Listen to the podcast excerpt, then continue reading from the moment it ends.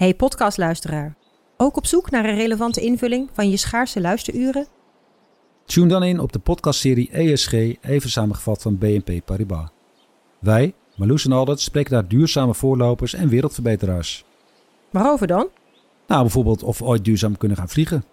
En waarom koeien in de stad nou een goed idee is? Dat en meer elke twee weken in een nieuwe aflevering. Dus abonneer je. ESG, even samengevat. Al 125 jaar kwaliteit voor jou thuis met Miele. Dat vieren we met jou. Ontvang nu tijdelijk een cashback tot 125 euro op veel Miele-apparatuur. Geniet van de kwaliteit van Miele. Voor perfect verzorgd wasgoed en kleding die veel langer mooi blijft. Voor een stralend schone vaat, even perfect als jouw diners. En een stofvrij thuis waarin echt hygiënisch schoon de standaard is. Check miele.nl voor alle feestelijke aanbiedingen.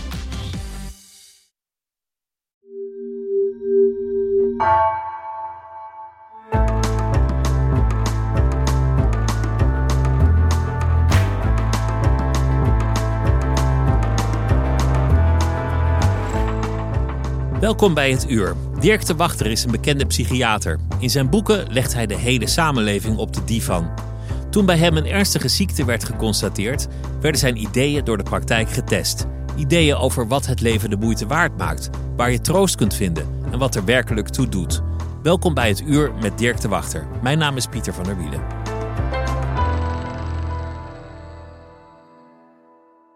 Dirk de Wachter, welkom. Dank dat u gekomen bent. Met graagte. Een vraag die ongetwijfeld iedereen nu stelt. Hoe gaat het? Hoe, hoe gaat het met de gezondheid? Wel, om die vraag te beantwoorden citeer ik graag uit een van mijn favoriete boeken, namelijk De Avonden van Gerard Reven. En daarin zegt Frits op een bepaald moment: Het gaat slecht, maar verder gaat het goed. En dat is een goede samenvatting van de situatie. Dus het gaat eigenlijk wel merkwaardig goed met mij. Ik voel mij goed, ik ben een gelukkig mens, ik leef graag. Maar de situatie is ook een beetje bangelijk. Mijn prognose is uh, gereserveerd. En mijn bijwerkingen zijn nog altijd sterk aanwezig van de chemo en zo. Dus uh, voilà, het gaat slecht, maar verder gaat het goed. Niet ongelukkig. Nee, nee, dat mag ik zeker niet zeggen. Dat, uh, ik ben bijna. Ik moet niet, niet overdrijven. Het is nu niet dat het geluk mij toelacht omwille van de lastigheid, maar uh, het is ook het is niet geminderd. Ik, het is zelfs zo dat ik mij nog meer dan voorheen heel bewust ben van het gelukkige bestaan, van mijn uh, geprivilegeerde, goede bestaan, dat, en dat is dan waar het over gaat, heel liefdevol omringd is. Juist nu de dood op de loer ligt, ja. nu, die, nu die toch een klein beetje al met je meeloopt, ja, zo is dat. Ja. Zijn blik op je heeft laten vallen denk je, god, dat, dat, leven is mooi. Ja, ja, dat wist ik al hoor. Het is niet dat dat nu plots Dat is geen nieuw inzicht dat het dat leven is geen mooi nieuw is. inzicht, maar het is misschien toch nog wat pregnanter zo. Nog wat meer duidelijk. Ik ben nog meer in een modus van dankbaarheid voor wat ik allemaal heb mogen doen in mijn leven en nog altijd. Ik ben hier vandaag met mijn vrouw door de straten van Amsterdam gewandeld. En dat heeft mij weer bijzonder veel deugd gedaan. Omdat het ook een aangename stad is, maar vooral omdat ik dat samen met mijn vrouw weer mag doen. Waarop zij dan zegt. Van nu ben ik een beetje melancholisch misschien, maar zij, dan zegt zij van.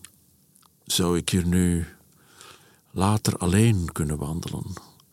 Dat zou mij veel verdriet doen, zegt zij dan. Wetende dat we hier gestapt hebben en dat we gekeken hebben naar naar de huizen en de mensen en de lucht. En uh, dat, ja, voor, daar spreken wij dan zo wel een beetje over. Ja. Soms hoor, we, zijn niet, Niet, altijd... niet, de, niet de hele dag, maar af nee, en toe. nee, alsjeblieft. Nee, nee, dan meestal. is die gedachte daar toch wel van. ja, nou, ja, misschien, af en toe. misschien loop ik hier dan op, op een zeker ogenblik wel alleen en denk terug aan dit moment. Ja, ja, En ja. die vanzelfsprekendheid is er, is er wel vanaf. ja. Ik vind ook mooi dat je zegt melancholiek. Melancholiek is iets, iets anders dan ronduit verdrietig. Het is, het is niet als een voetballer die over de grond rolt van de pijn en, en van, van het zelfmedelijden. Melancholiek is, is een heel milde emotie. Wel, ik ben een, eh, een, een, een romanticus ook, maar ook een melancholicus en zo. In die zin dat ik graag, zo zeg ik dat dan, verwijl in het voorbije. Ik, ik eh, denk ook graag aan de mooie dingen van vroeger. Wat een beetje tegen de tijd is, zeker in therapeutische middens, is men heel erg in het moment. Wij moeten leven in het moment. Hè? Niet te veel omkijken, niet te veel ja, het verleden wel. Ik kijk heel graag om. En ik kijk zelfs heel graag om naar. Nu zeg ik iets heel raar hoor, maar goed, ik ben dan ook psychiater. Hè. Ik kijk ook heel graag om naar de mensen die er niet meer zijn. Ik leef graag, niet alleen, hè, maar ook een klein beetje met de doden. Uh, ja, het, het, het, ik vind het mooi om hen er nog wat bij te hebben. Zo.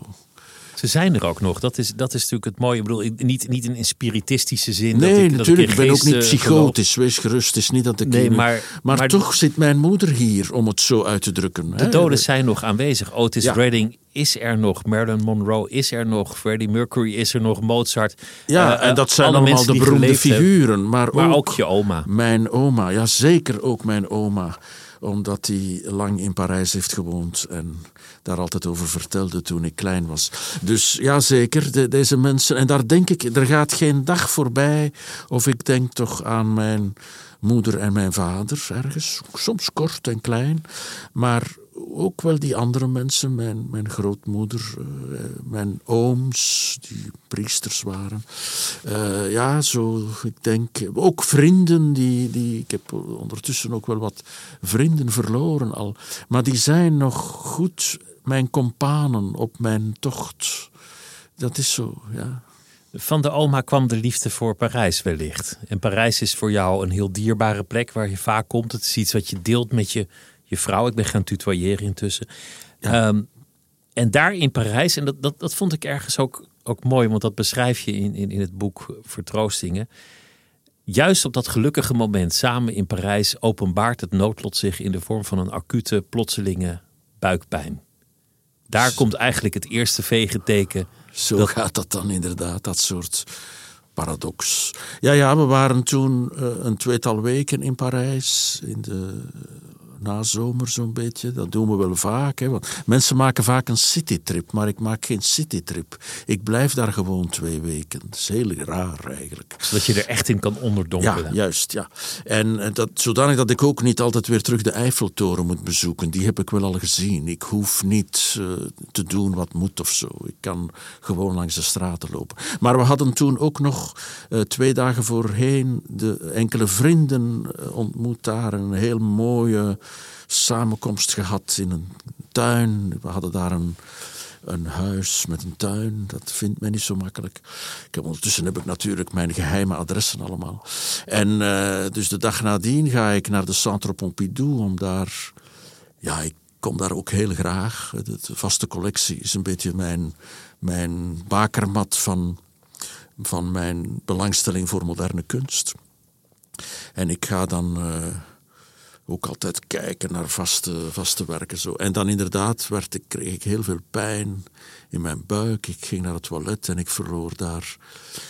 Ja, dat zal niet waar zijn, maar ik had het gevoel dat ik dan een liter bloed verloor. Dat is allemaal dat. Dan was je niet van de wc ja, afgekomen. Ja, het is dat, het is dus, dus uh, dat kleurt ook heel erg. Maar het was toch, ik ben een dokter, hè, maar toch was dat heel bangelijk. Ik dacht, oh, dit is echt niet goed.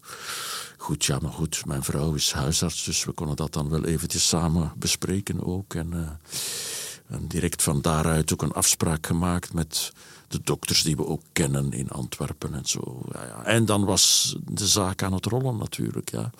Inderdaad, in mijn favoriete stad. En toen wist je meteen slecht nieuws. Er is ja, nee, dat, mis. oh, men, mens, mens hoopt natuurlijk altijd, is dit een... Uh, kijk, ik ben een dokter ook, hè, en door allerlei omstandigheden en door het huisarts zijn van mijn vrouw ben ik ook nog als psychiater nog goed op de hoogte van de lichamelijke aandoeningen van, van de mens. Uh, en ja, we hadden toch hypothesen. Dit kan een gesprongen bloedvat zijn van, van een of andere inwendige hemorroïde. Het, het, wat men in de volksmond het inwendig speen noemt. Dat kan verschrikkelijk bloeden. Dus dat kan, en ik neem ook bloedverdunners al vele jaren door iets wat ik vroeger heb voorgehad. Dus, dus ja, dat was de, de, de hoop. uh, ja, Het hoeft niet meteen terminale nee, kanker te nee, zijn. Maar dat, was ook wel onmiddellijk een van de hypothesen die we niet zo koesterden, maar toch ook in ons achterhoofd hielden. Enzovoort, enzovoort. Ja, en dan onderzoeken en nog onderzoeken en toestanden. En dan werd het altijd slechter nieuws. Hè. Dus de, er bleken geen hemorroïden te zijn. Er bleek ook eh, niks te zien in, de, in het, eh, ja, de rectoscopie, hè, het, het eh, onmiddellijke onderzoek. En dan kwam er een coloscopie, dus een verder onderzoek. En dan bleek dat eh, de dokter niet, eh, dus op 40 centimeter niet voorbij de tumor geraakt. Dat was heel slecht nieuws. Maar dan wordt het nieuws nog slechter, want dan wordt er natuurlijk wordt er een staging gedaan. En dan was er een scan. En op die scan bleek er dan uitzaaiingen te zijn. En dan kwam er een PET-scan, een nieuwe scan. En dan bleken ook uitzaaiingen op afstand te zijn in- in de lever. Dat was heel slecht nieuws, omdat dat de prognose wel erg negatief kan maken. Goed, Da- daarnet zei je, ik, ik, ik ben niet ongelukkig. nee, Is er, is er niet een moment geweest toen dat, dat, dat er wel sprake was van woede, van overrompeling, van acuut verdriet? Nee, al die nee het is ook raar. Ik kan dat ook niet, ik weet ook niet waarom of hoe. Maar nee, nee, er is wel een. de- na, na de operatie. ik- de operatie is ook heel gecompliceerd geweest. Hè, want we moesten ook een stuk lever wegnemen. En, en dat was heel medisch ook gecompliceerd. Enfin, dat is allemaal heel technisch.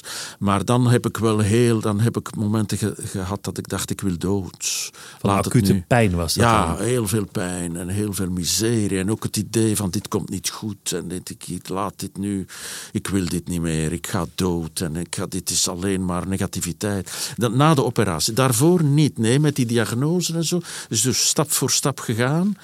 En ook altijd samen met mijn vrouw, hè, die, die dat... Die dat, ik zelf niet, maar zij stond in direct contact met de dokters om te zeggen wat is er, wat is er te zien op de foto's en de, bloednamen en al die dingen. En zij kent dat ook nog heel goed allemaal zo. Dus nee, nee, toen niet. Toen is er geen wanhopige of woedende. Het- Het was nogal een soort van eh, stoïcijnse toestand zo. Het klinkt heel rustig, die, die Dat was zo, ja. reactie. ja. En dat, ik ben ook meestal zo, hoor. Het is nu niet dat dat ineens raar was. Ik ben nogal een, een eh, ja, rustige mens die...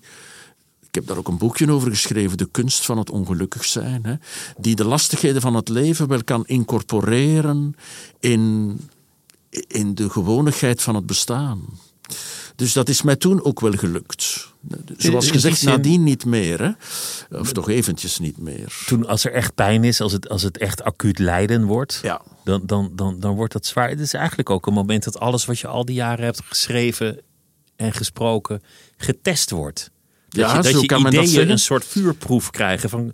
oké, al, al die jaren gesproken over hoe je ongelukkig kunt zijn... hoe Ja. je ongeluk Ja. in je leven moet incorporeren. Maar, maar nu komt het erop aan. Kan je het ook echt? Ja, ah, wel, nu zal deze Vlaming, die normaal als bescheiden wordt gezien, zeer hooghartig spreken en zeggen dat wat ik schreef wordt ook bewezen in mijn eigen fysieke eh, lijden. Het Ik- blijkt waar. Ja, wel, ja, dat is nu heel pretentieus eigenlijk. Maar eigenlijk is dat zo. Eh, Ik, ik, ik ben niet ineens, ik heb geen nieuwe inzicht. Ik ben ineens veranderd in mijn opvattingen over leven en dood, over het lijden, over de liefde, over de nabijheid, over al die dingen die ik zo, zoveel geschreven heb. Dat is voor mij althans juist. Ik ben ook voorzichtig, het zal voor iedereen een beetje anders zijn, maar voor mij is dat juist. En nogmaals, laat mij nu voorzichtig zijn, de voorbije maanden zijn er ook wel momenten geweest dat eh, de stoïcijnse rustigheid, de onthechting, de gelassenheid barsten natuurlijk. Hè? Dat, dat, ja, dat er toch ineens een, eh, een crack kwam waarin dat de sulfurgeur van de hel toch eventjes opstak. Hè? Dat was wel zo hoor. En, zijn dat die momenten van pijn? Van, van, van fysiek lijden? Of, of zijn het andere momenten? Ja, fysiek, in het begin zeker het fysiek lijden. Wat ook heel, nog erger is dan pijn, ik weet niet of dat herkenbaar is voor mensen, dat is misselijkheid. Dat is echt een vreselijke eigenlijk. Die chemotherapie, die maakt u zo kotsmisselijk. Maar echt, en dat is op een bepaalde manier, ja, heel, heel, dat, dat tast zo uw menselijkheid aan. De, heel misselijk, je kunt niet meer bewegen. Elke, beweging uh, doet een golf van kotsigheid door uw lijf stromen. Dat is echt, ja, als ik er nog aan denk. Dat lijkt me, dat lijkt me de hel. Dat is de hel, ja. En dat, kijk, ik vertel dat nu. Hè. En dat heb ik ook al eens in een interview in, in een krant verteld. En dan krijg ik dus reacties van maar honderden mensen die zeggen van, ah, maar dat herken ik wel. En ah, inderdaad, ik heb dat ook gehad enzovoort. Want zoveel mensen maken dat mee. Hè? Dat, nu, dat boek van mij, dat wordt nu overal zo, zo eh, ja, weer erg onbescheiden hoor, maar zo geprezen. Ja. Maar dat is iets wat zoveel mensen. Blijkbaar is het zo herkenbaar. En is dat, als dan een, een dokter ook dat, dat verwoordt, dan vinden mensen dat dan blijkbaar toch erg troostend. Dat het gezegd wordt. Zo, blijkbaar werkt dat zo. Ik, ik, uh... en dat doet mij dan weer, maar nu zijn we bij mijn boek natuurlijk, weer, weer plezier eigenlijk. En dat maakt mij gelukkig, om zo te zeggen, dat ik toch iets kan betekenen voor veel mensen. Dat is een van de belangrijke dingen, want ja. daar, daar kom je natuurlijk op uit. Wat doet er toe in het leven? Ja. En, en dat, dat doet er meer toe naarmate het vonnis is gevallen dat de tijd misschien wel beperkt zal zijn. Juist. Dan, dan wordt het ineens een urgente, prangende vraag. Juist. Wat is nou wel belangrijk en wat eigenlijk niet zo heel erg? Wel, dan kom ik weer terug bij de avonden van Gerard Reven. En de laatste zin is: Het is gezien geworden. Het is niet onopgemerkt gebleven. Het is niet onop... Prachtig. Ik heb zo graag dat deze citaten herkend worden. Uh, ik denk dat dat. Het gaat dan niet alleen over. Want nu moet ik ook opletten. Het gaat natuurlijk niet over in een podcast of in een boek of in zo iets betekenen. Het gaat over iets betekenen voor de liefdevolle medemens. Dat is de essentie van het bestaan. Hoe kunnen wij zorgzaam met elkaar omgaan? Hoe kunnen we met onze geliefden, met onze getrouwen, met onze nabijden ja, iets betekenen? En hoe kunnen we na onze dood herinnerd worden als zorgzaam en liefdevol. Dat is wat ik hoop. Hè? En dat dat bij mij dan ook in mijn beroep een rol speelt. Want dat is de essentie van mijn beroep. Hoe kan ik voor een mens met veel verdriet iets betekenen? Uh, dat, daar gaat het over. En nu met dat boek, en ook voorheen al een beetje, kon ik blijkbaar toch wel iets betekenen. Ook voor mensen die ik helemaal niet persoonlijk ken. Ik krijg zulke mails en, en brieven, soms ook brieven met de hand geschreven en met een postzegel opgestuurd, dat dat nog bestond. Mensen die zeggen van ik heb uw boek gelezen, u kent mij niet, maar ik ken u toch wel een beetje en ik vond het zo herkenbaar. Ik heb, mensen hebben troost geput uit dat boek. Ja, en dus dat troost mij heel, heel erg eigenlijk. Het hebben van betekenis. Ja. Het gaat dus eigenlijk in, in het leven, als je het zo beziet, over de ander. De betekenis van iemands eigen leven ligt in de anderen. Zo voel ik dat heel erg. En natuurlijk, ja, ik heb niet. Ik ben ook geen filosoof, ik heb niet het verstand om dat dan theoretisch uit te werken. En dat vond ik heel erg bij de Franse filosoof Emmanuel Levinas. Zo vele, vele jaren geleden dat ik daar toevallig op, op kwam, op die, zijn, uh, zijn werk. En die zegt, er is eerst de ander en dan ben ik er pas. Dus ik word eigenlijk door de ander zelf.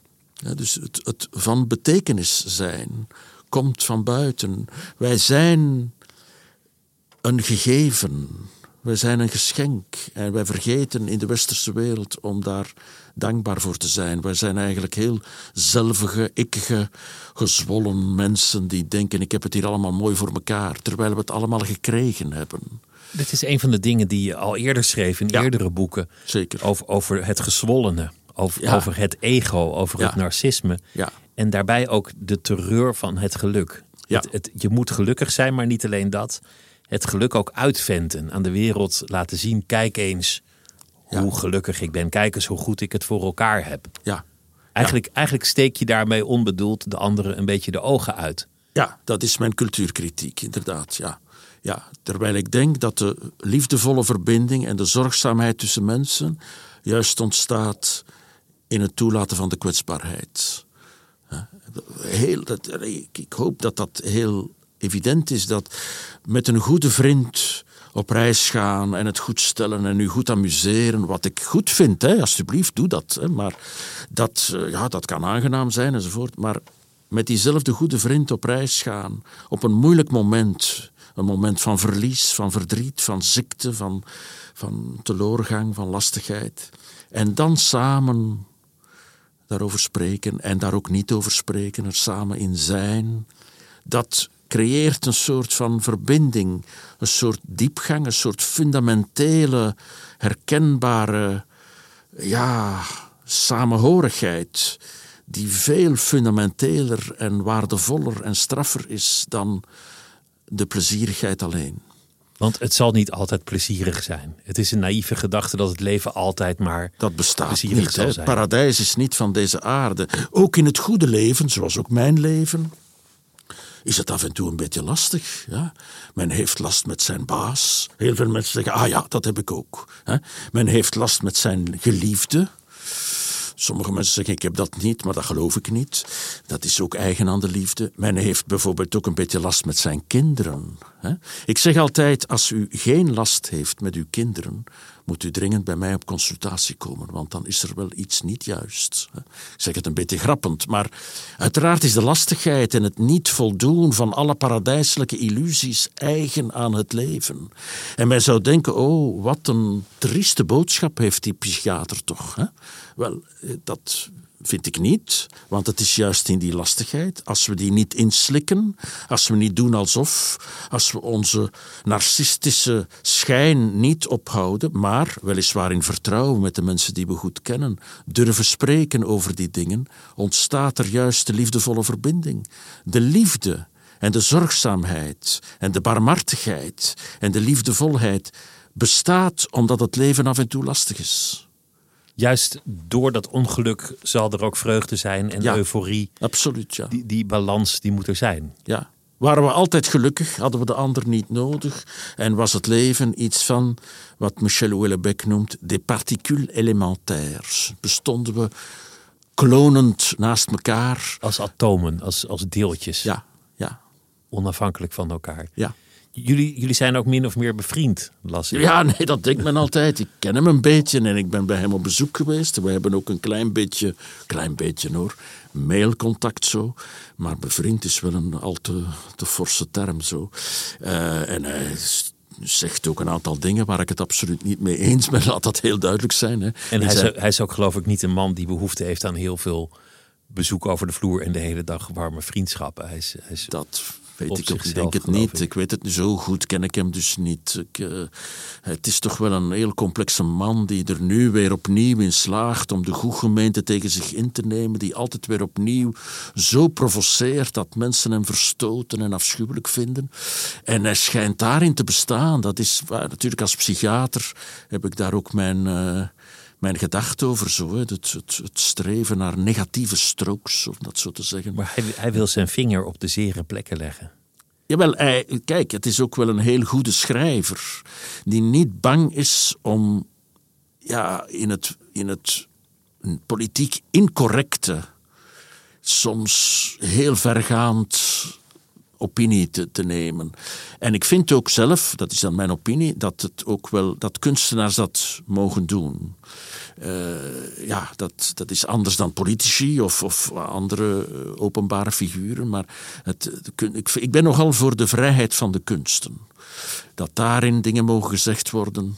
En dat het geen afbreuk doet aan de kwaliteit van het werk. Zo vind ik Céline nog altijd een heel groot schrijver. Hoe omstreden hij ook is. Hoe, om, schandalig hij ook is op gebied van zijn antisemitische opvattingen. Ook eh, de, de, de Duitse filosoof Martin Heidegger.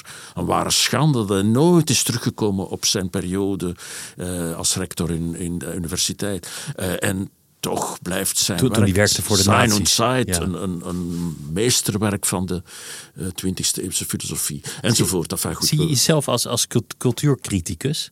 Het is, het is eigenlijk alsof je de psychiater bent die op een zeker ogenblik niet individuele patiënten op de divan had, maar dacht, nu leg ik die hele samenleving. Dat is zo met divan. Borderline Times geweest. Dus ik draaide mijn stoel om en ik keek door het raam. En ik keek naar de wereld en ik zag dat het daar ook niet allemaal zo perfect loopt. Dat daar ook problemen zijn. En dat die problemen, en ik heb dat dan een beetje polemisch geschreven, dat die problemen diagnostisch kunnen geduid worden. En ik heb daar veel kritiek van. De laatste jaren is er veel kritiek van collega's ook, collega's aan de universiteit, die natuurlijk ook een beetje afgunstig kunnen zijn in die zeer eh, egocentrische en zeer concurrentiële wereld. Maar collega's die zeggen van een psychiater moet zich niet bezighouden met de wereld. Een psychiater moet bezig zijn met zijn patiënt. Maar die patiënten staan in de wereld. Juist, ik ben het daar dus niet mee eens. Ik vind dat, en ik ben natuurlijk geen socioloog, ik ben geen filosoof, ik ben geen politoloog, maar ik kan toch wel een aantal dingen aankaarten waar dan die disciplines zich kunnen overbuigen. Hè? Ja, ik vind in der Welt zijn, om Heidegger te citeren, is de essentie van het bestaan. Hè? Wij zijn miteinander, wij zijn in een context en ons leven, zoals gezegd, is een gegevenheid door de ander. En dat isoleren en die patiënt op de sofa alleen maar zien als een stukje ego met brein, vind ik geen juiste benadering van de mens. Maar goed, zo zijn er dus ook andere standpunten. Je, je zei eerder dat je, dat je familie voor een groot deel uit priesters bestaat. Nee, langs moederskant. Ik heb een complexe familie met heel veel. Dat is een van, denk ik, van de rijkdommen die ik gekregen heb. Mijn vader komt uit wat we noemen een liberale familie. Een liberaal eh, was. Zij gingen niet naar de kerk. Mijn vader is niet naar een katholieke school gegaan. Zijn zus, de zus van mijn vader, is, was getrouwd met een dieprode links-socialistische man en familie. Hè? En langs moederskant, dus de twee broers van mijn moeder waren priesters, katholieke priesters. En in die familie waren katholieke priesters tot generaties terug. Eh, dus, dus ik had, en dat is denk ik een, een heel een geschenk ook, hoe ik die heel verschillende levensvisies van kind af een stukje heb meegekregen, zonder dat ik verstond hoe dat allemaal was. Maar dat was wel een rijkdom. Tot vandaag vind ik dat een rijkdom. Is dat ook iets dat in je eigen werk terugkomt? Ben je, ben je soms een soort priester? Heb je, heb je een deel van de functie die de priester vroeger op zich nam? Is, is therapie soms bijvoorbeeld een biecht? Ja, zo zegt men dat soms. Ik, ik, ik heb niet graag altijd die vergelijking, omdat ik ook een wetenschappelijk denkende mens ben. Ik ben ook een, een seculiere, niet-kerkelijke mens geworden. Hè. Maar ik ben wel heel loyaal aan mijn eh, opvoeding wat dat betreft. Ik ben geen contratheïst, bijvoorbeeld. Dat ben ik niet. Ik, ik blijf eigenlijk de mooie waarden van de christelijke cultuur graag doorgeven. Eh, de barmhartigheid, het, het, het mededogen, het, het voor elkaar eh, behulpzaam zijn. Dat, eh, ik hoop dat dat ook zonder een directe goddelijkheid mag blijven bestaan in de menselijke cultuur, alstublieft. Maar mensen gingen naar, naar priesters voor troost en inspiratie. Voor, voor raad, wellicht. Jazeker, ja. En af en toe voor, voor een terechtwijzing. Ja, en nu komt men terecht bij, bij therapeuten. Ja, ja, dat is zeker hoe dat, dat zeker een, een mechanisme dat speelt. Ja, ja, dat denk ik wel. Mensen die niet weten hoe te leven, die vastlopen in verdriet en die niet naar de mis gaan, naar de heilige mis, om vergiffenis te vragen of ik weet niet wat, maar bij ons terechtkomen zo. Waar wij natuurlijk veel minder. Wij hebben geen God achter ons om, om eh, ja, absolutie te geven. Hè?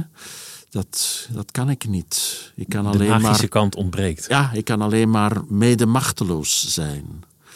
Maar dat is wel een heel belangrijke taak ook, het mede machteloos zijn.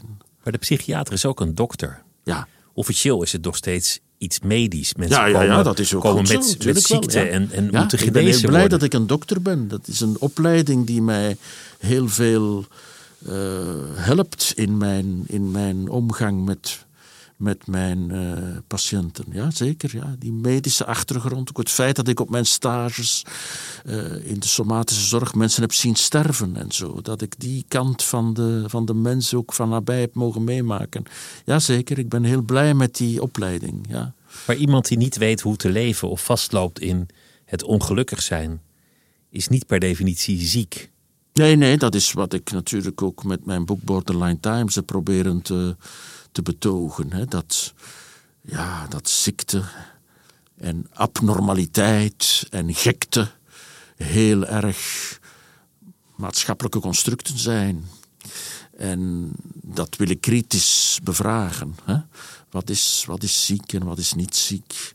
En zijn we niet allemaal heel kwetsbare mensen in de juiste omstandigheden? Heb ik nu ook in dit boek heel concreet willen beschrijven door mijn eigen hallucinatoire belevingen, mijn eigen delirante belevingen, nogal voor het publiek te gooien zo, om te laten zien dat ook deze psychiater met de juiste omstandigheden, met veel pijn, postoperatief en dan vooral heel veel eh, medicatie, ook compleet in de gekte kan terechtkomen. In de, Iedereen kan gek worden, want het is uiteindelijk een, brein, ja, een, een orgaan. Ja, natuurlijk wel, ja. Nou, nou, schrijf je ook iets over, over de stand van de psychiatrie. Dat die niet voor iedereen toegankelijk is. Dat het, dat het hoogopgeleide, mondige, welverdienende mensen zijn die, die op de divan terechtkomen. Terwijl misschien de nood het grootste is bij mensen die nooit bij de psychiater zullen komen. Ik raak dat een beetje aan. Ik werk het nu ook niet helemaal uit in, in, in dit boek. Misschien moet ik dat ook nog wel eens doen, want dat is een heel pregnante kwestie eigenlijk zo. Hè. Er, is, er is een grote nood aan geestelijke gezondheidszorg. De vraag is, komt de nood wel in de eerste plaats terecht bij zij die het meest nodig hebben? Ik vrees soms van niet. Hè. Ik heb zelf in het ziekenhuis waar ik werk, heb veel uh, verantwoordelijkheden, maar een van, de, een van mijn, hoe moet ik dat nu zeggen, een van mijn grootste... Uh, mijn hart ligt nog het meest bij een dagcentrum voor mensen met heel ernstige psychiatrische kwetsbaarheid. Mensen die uh, met de diagnose schizofrenie worden bejegend. Hè. En die mensen vallen vaak uit de boot omdat ze ja, de mogelijkheden niet hebben, ook financieel heel kwetsbaar zijn, ook, ook de mondigheid niet hebben vaak, de, heel angstig zijn. En zij dreigen uit de boot te vallen van de goede psychiatrische zorg, terwijl zij de eerste moeten zijn om voor te zorgen, de meest kwetsbare. Vaak komen er ook verslavingen bij, dakloosheid ligt op de loer. Zeker. Uh, zeker uh, criminaliteit. Juist. En, en, alles wat daarbij komt kijken. Ja, vooral het slachtoffer van criminaliteit. Laat me dat bij deze Ja. term goed benadrukken. Hè. Ja, ja, zeker. En, en daar, dat vind ik ook de taak van de psychiater, om dat heel erg te bewaken. Maar verder ben ik op mijn hoede, want ik heb zo wel eens een keer een beetje, een beetje eh, misschien zelfs een beetje populistisch gezegd, we moeten toch wat meer mekaars psychiater zijn. Ik meen dat ook. Hè. Het zorgzaam luisteren naar het verdriet van mensen mag niet alleen de taak zijn van professionelen, maar moet ook voor uw buurman en uw broer en uw vader en uw zoon een, een taak zijn, alstublieft. En dus als wij zeggen van, oh, er is een probleem, ga maar naar de psychiater, vind ik een verkeerde reflex. Maar ik vind het ook wel mijn taak om voor op het eerste zicht gewone problemen toch wel wat oog te hebben, hoor. Dus om, om nu te zeggen, hè, dat ik, ik ben een beetje bang dat een overheid zou zeggen, ach, de wachter zegt dat eigenlijk gewone problemen niet naar de psychiater moeten. Dat lijkt mij een heel mooie manier om te bezuinigen. Dat kunnen we dan wel een beetje wegsaneren. Dat scheelt weer wat geld. Dat is natuurlijk een cynische interpretatie van wat ik bedoel en dat, daar wil ik niet voor staan. hè. Ik wil heel erg bewaken dat de meest kwetsbare mensen aan bod komen, maar ik wil daarmee de gewone problemen niet afschepen. Maar daar moet goed over nagedacht worden. Hoe kunnen we de huisartsen goed inschakelen, vind ik heel belangrijk. Ik hou van de huisarts, zeg ik altijd. Mijn vrouw is namelijk huisarts. Hoe kan ik toch die eerste lijn, van, nu zijn we aan de structuur van de gezondheidszorg bezig, hè, geholpen door eerste lijns psychologen, die de dokters ook bijstaan, die er ook voor zorgen dat er wat tijd kan genomen worden, dat, dat we ook voor mensen die nood hebben aan een gesprek meer dan tien minuutjes kunnen nemen en zo. Dat moet toch wel beter uitgewerkt worden. En, en dat kan ook niet altijd, want daar zijn jullie Nederlanders zo goed in, en daar zijn wij soms wat jaloers op, in, in die systemen, die afgevinkte flowcharts Hè, maar zeggen, ah, psychiatrisch probleem, oké, een kwartiertje in plaats van tien minuten. Ja, zo gaat het allemaal niet. Soms moeten we zelfs een half uur gesprek nemen. Echt waar. En dat is dan lastig, want dat zit niet in de computer. Hè. Dus daar kan onze Vlaamse, Bourgondische, chaotische toestand soms wel een beetje helpen, zo te zeggen. We, nemen hier wat niet meer tijd. Niet alles is een protocol, niet nee, alles nee, is oh, nee, dat, veel van die dingen is out of the box, valt buiten het protocol. En dat is een hele moeilijke in deze gezondheidszorg, die toch heel erg efficiënt en economisch gedreven wordt georganiseerd. Maar er vallen mensen hard buiten de boot. Wat, Ja. wat heeft het jezelf geleerd om, om even gek te zijn? Om zo'n delier mee te maken? Om hallucinaties te hebben? Om geesten en spoken te zien? ja, ja, zo was het. Eh, ja, ook weer, dat wist ik al. Hè, maar ik heb dit, deze Het keer... bevestigde iets wat je Het al wist. bevestigt wat ik ondervond, namelijk dat dat ongelooflijk echt is. Maar echt zo waarachtig. Dit Degene met een waan weet niet dat het een waan is. Nee, nee. Ik zag dus, ik, een van mijn, van mijn avonturen was dat er een collega op bezoek kwam. En ik, die man was daar ook. Die zat daar, ik sprak met hem. Hij was heel vriendelijk ook. Hij zat daar en hij vertelde en hij vroeg. En ik was daar met hem. Terwijl hij al jaren dood is. Dus ja, dat, is, dat heb ik wel. Dus nu, ik, ik wist dat wel, omdat ik toch ook goed, hoop ik toch goed naar mijn patiënten heb geluisterd, die dat ook zo vertellen. Maar dat heb ik nu toch, dat had ik nog nooit zo meegemaakt hoor. Hoe echt dat dat is. En daarna was het weg, dus ik heb mij dan terug in mijn reële psychiatrische ik kunnen, kunnen gaan verklaren. Maar ja, dat, dat is, men moet niet zeggen, dit is een hallucinatie. Nee, nee, dit is waar. Zo waar als ik hier zit. Hè. Zo, zo voelt dat. Dat, dat is Een totaal andere werkelijkheid Ja. die wel een werkelijkheid ja, is. absoluut, ja. ja. Het, het was heel belangrijk in dat ziekenhuis, beschrijf je, dat mensen aardig waren. Absoluut, Niet alleen ja. de geestesverschijningen, maar ook de, het verplegend personeel, de, Ja. de dokter, mensen die op Ja. bezoek kwamen. ja. Dat dat eigenlijk zo'n enorme troostende factor was. Dat is ongelooflijk belangrijk, ja. Mensen die u vriendelijk bejegenen, die vragen hoe gaat het vandaag? Niet goed. En, en dan ook, wat ik beschrijf, is aanraking. Dat is heel gek allemaal. Dat is ook zo evident enerzijds, maar het, aanraken, het was coronatijd toen ik daar lag, dus het was ook wel, wel allemaal beperkt. Maar zo, dus bij een van die hallucinatoire periodes komt die verpleegkundige binnen als een engel uit de hemel neergedaald eigenlijk. Een ongelooflijke dame en heel rustig ook. En heel vriendelijk zegt ze. Maar u heeft gedroomd. Het kan geen kwaad. Ik ben hier voor u.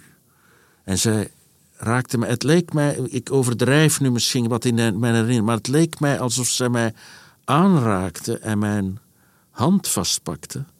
Het is nu... U, u, u- ziet het niet, maar ik maak dat gebaar.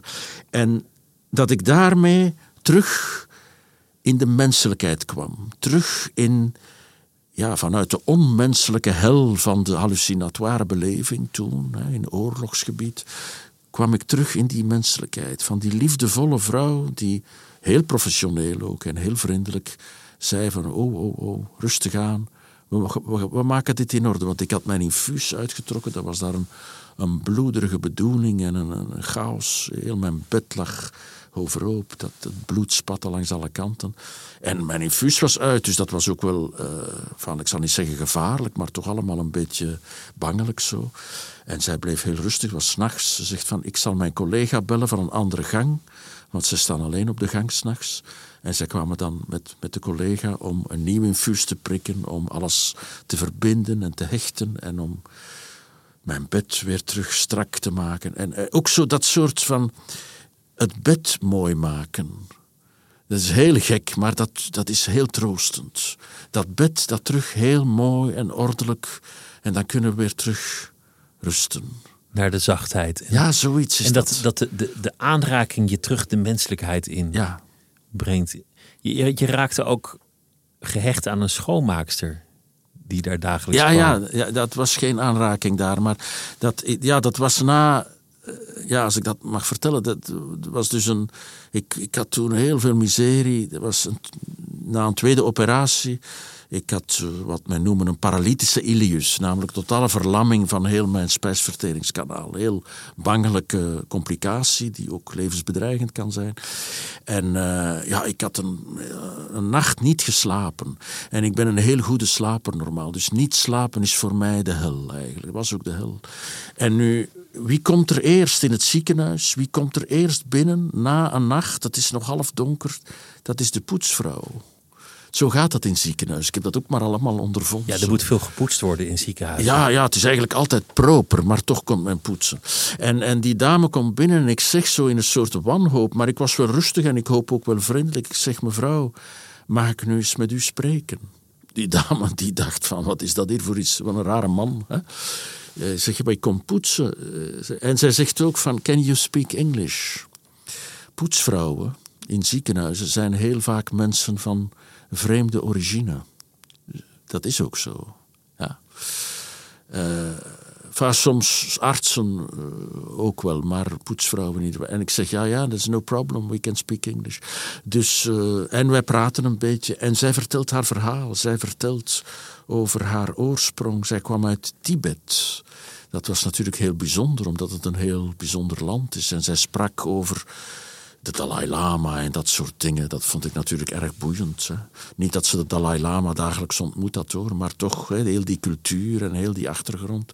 En hoe ze dan door, met haar gezin van oorsprong, met, dat weet ik niet meer in detail, maar haar vader, die ergens ook uh, in het verzet was tegen de Chinese overheersing daar. En zo wat, gevlucht met het gezin naar, via India en daar een aantal jaren verbleven. En dan via India naar Duitsland en van ja, Duitsland naar Antwerpen.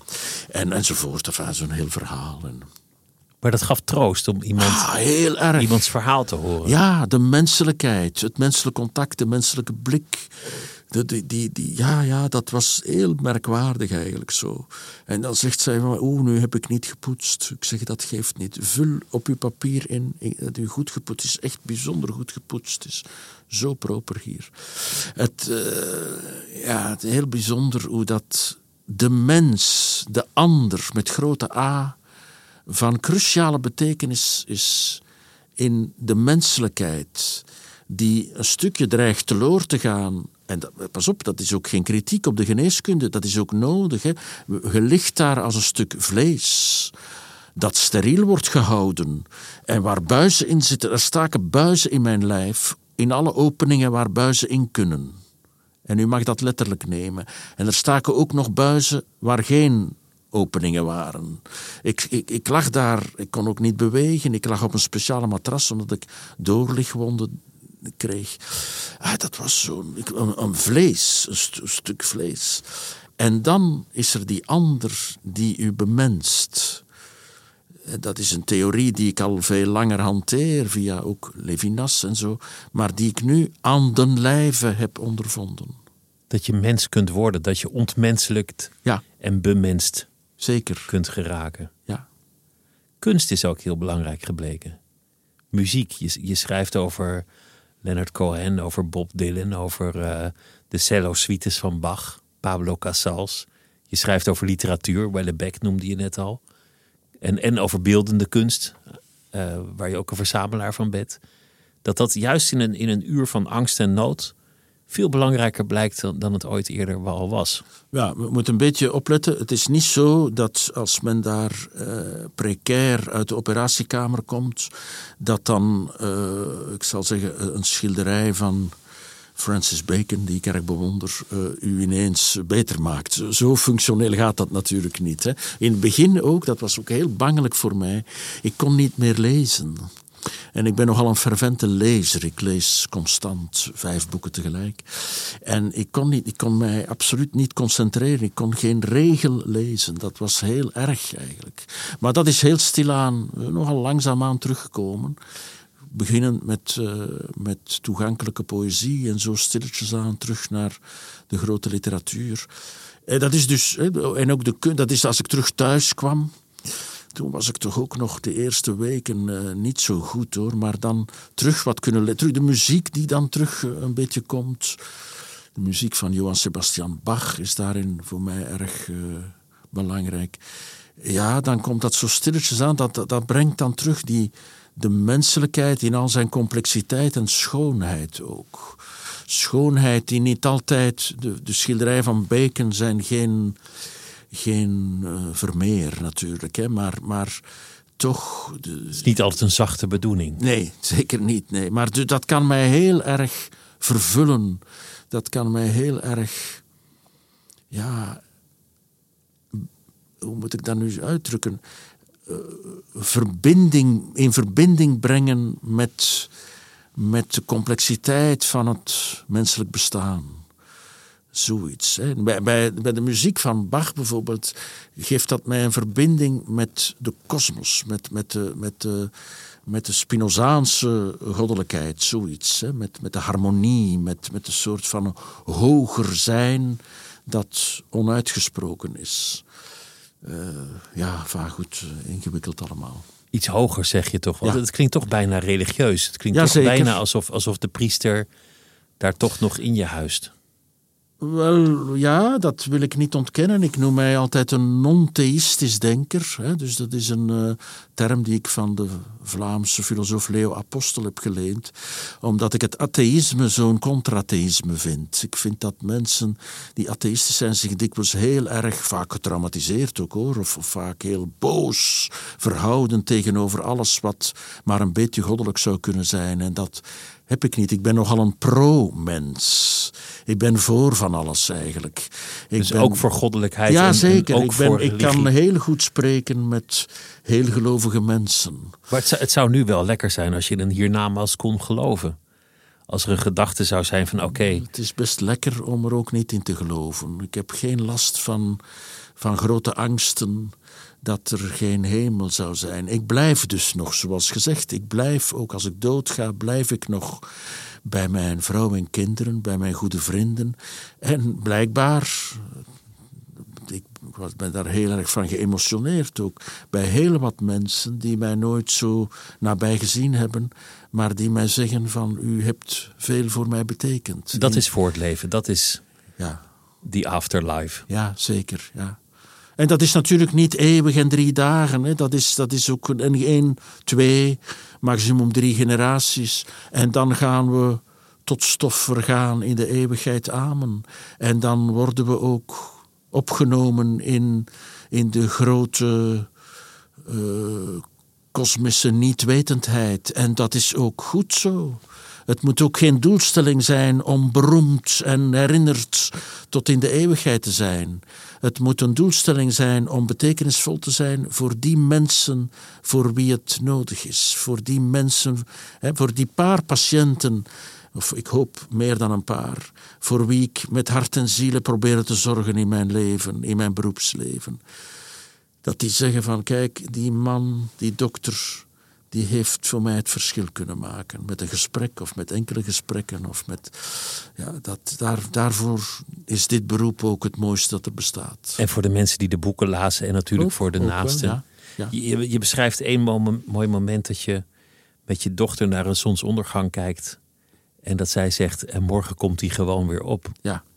En dat- dat je dacht, god, daar heb ik eigenlijk nooit over nagedacht. Dat, dat de zon gaat onder, de melancholieke Ja. eh, avondmens ziet dat. Mijn eigenste zelf, ja zeker, ja, ja. Maar er is, er is ook dezelfde zon die gewoon weer aan de andere kant. Wel ja, het is dus ook een metafoor. Ik heb dat geschreven als een metafoor ook. Hè. We zaten op dat muurtje aan de kust, aan de Franse kust ergens. Het was mooi weer. Mijn dochter was hoogzwanger toen van mijn kleinkindje dat ondertussen twee jaar oud is. Dat ook de, de, de zegening van mijn leven is. Ondertussen heb ik een tweede kleinkindje van diezelfde dochter trouwens. We zaten dus op dat muurtje en ik zeg haar... Hè, deze vader wil dan betekenisvol iets doorgeven aan de dochter en zeggen van kijk, die zon gaat onder. Dat is van het mooiste dat bestaat. Het was ook prachtig zo in die zee. Ongelooflijk prachtig en dat is gratis. Dat, we moesten niet betalen. Het was gratis. En dat is ook elke dag. Gewoon elke dag. Voor wie het maar wil zien. Ik zeg, gratis kijk, theater. dat is toch fantastisch. Hè? En mijn dochter, die natuurlijk veel wijzer is dan haar vader nog, die zegt van ja, maar morgen komt die zon ook weer op. En dat is mogelijk nog prachtiger. dat vond ik wel fantastisch goed gezien van dat kind. En wat is daar ook, wat zit daarachter? Of, of zo wil ik dat ook denken. Dat is dat ik heel erg in die filosofie van Heidegger uh, mij verdiept heb ook. Hè, die zegt van het leven krijgt betekenis door het aanschouwen van de dood. Zum tode leben noemt Heidegger dat. En ik, ik heb dat heel erg ook veel over gelezen en over gediscussieerd. Dus ik, ja, ik heb, maar wat zegt Hannah Arendt?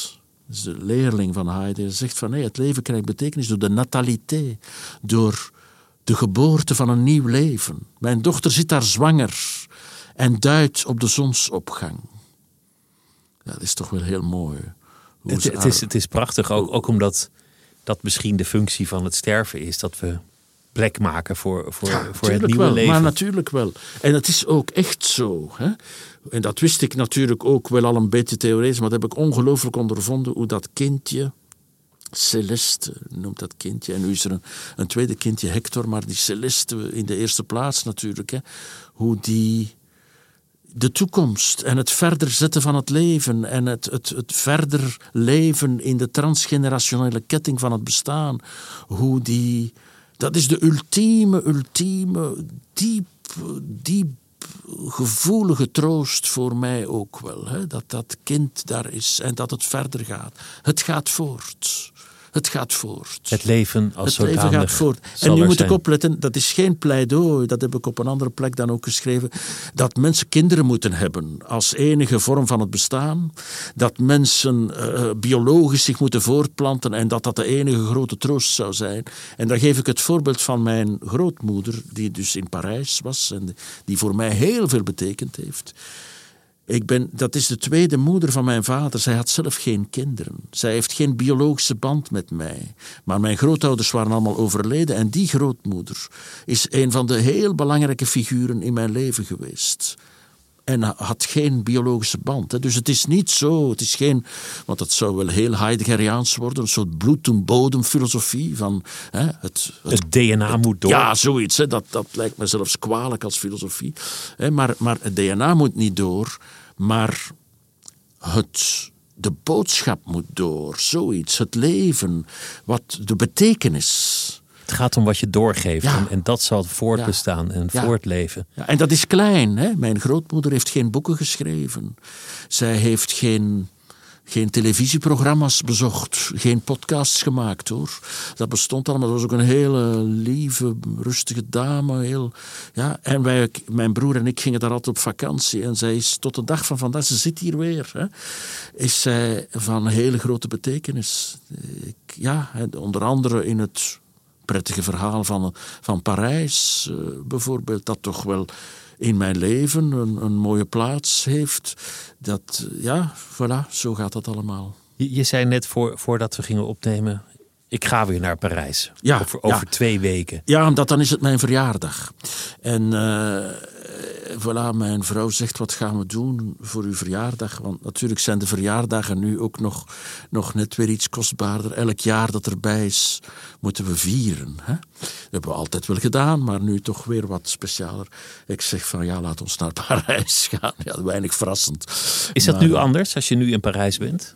Ja, soms, ja en nee. Soms een beetje, wat ik daar straks verteld heb over, over Amsterdam ook, dat we soms dan denken van kijk, ik denk dan, ik zeg het niet altijd, want ik wil mijn vrouw natuurlijk ook niet verdriet doen, hè, maar dan denk ik, als, is het nu de laatste keer dat we hier nu gaan lopen?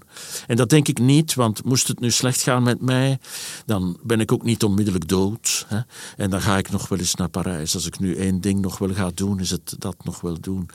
Hè, dus, maar toch, dat, dat speelt soms een beetje, zo'n beetje een verdrietigheid die op de achtergrond speelt van goh, laten we hopen dat dit nu niet de laatste keer is en zo. Je, je beschrijft het, dat vond ik heel leuk en, en, herkenbaar, dat je dan vlak bij de Plas van Dom, waar, waar alles duur is en waar, waar uh, het Ritshotel zit en de beroemdheden en de, de, de juwelierszaken en waar, waar het geld aan alle kanten fonkelt, dat, dat één straatje verder zit een, een bescheiden café waar je kan lunchen. Ja, voor, voor, voor, een, voor een paar tientjes, waar de eigenaar nog gewoon zelf bedient. Ja, en, en waar het leven eenvoudig en een goed is. Een ontdekking, wederom door mijn dochter. Mijn dochter had dat via een vriendin uh, ontdekt en gaf mij dat als geschenk voor mijn verjaardag. Voor ik ziek was. Uh, nee, nee, nee, na, na vorig jaar, hè, ja. Vorig jaar. Dus de eerste verjaardag na uh, ja, al, al het gedoe.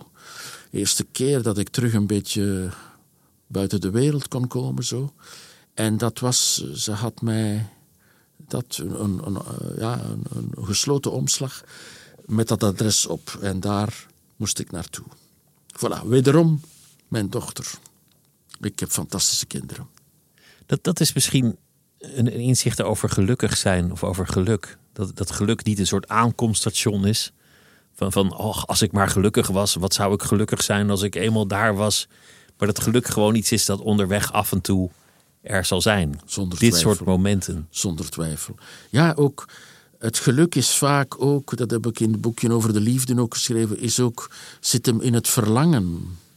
Dat altijd voortgaat. Veel meer dan in het realiseren of zo, want dan is het ook weer wat voorbij.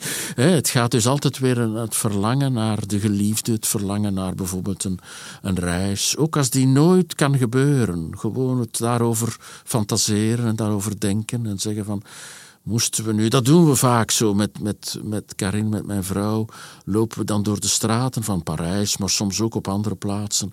En dan denken we, waar, waar, waar zouden we nu graag willen wonen?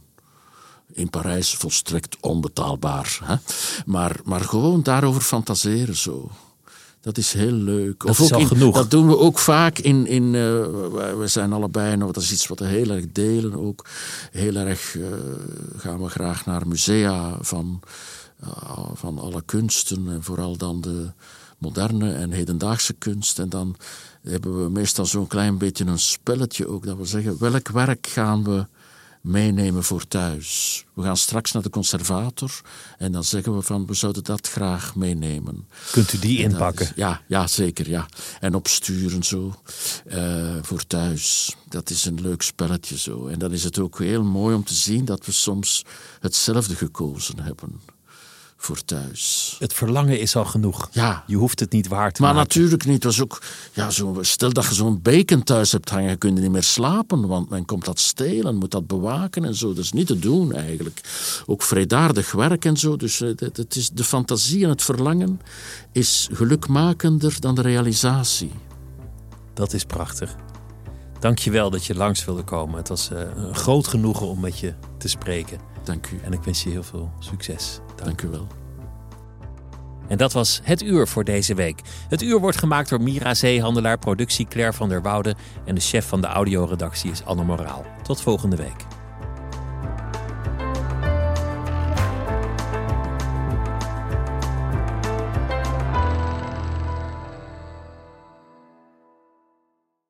Technologie lijkt tegenwoordig het antwoord op iedere uitdaging. Bij PwC zien we dit anders. Als we de potentie van technologie willen benutten, kunnen we niet zonder een menselijk perspectief. Human-led, tech-powered noemen we dat. Ga naar pwc.nl.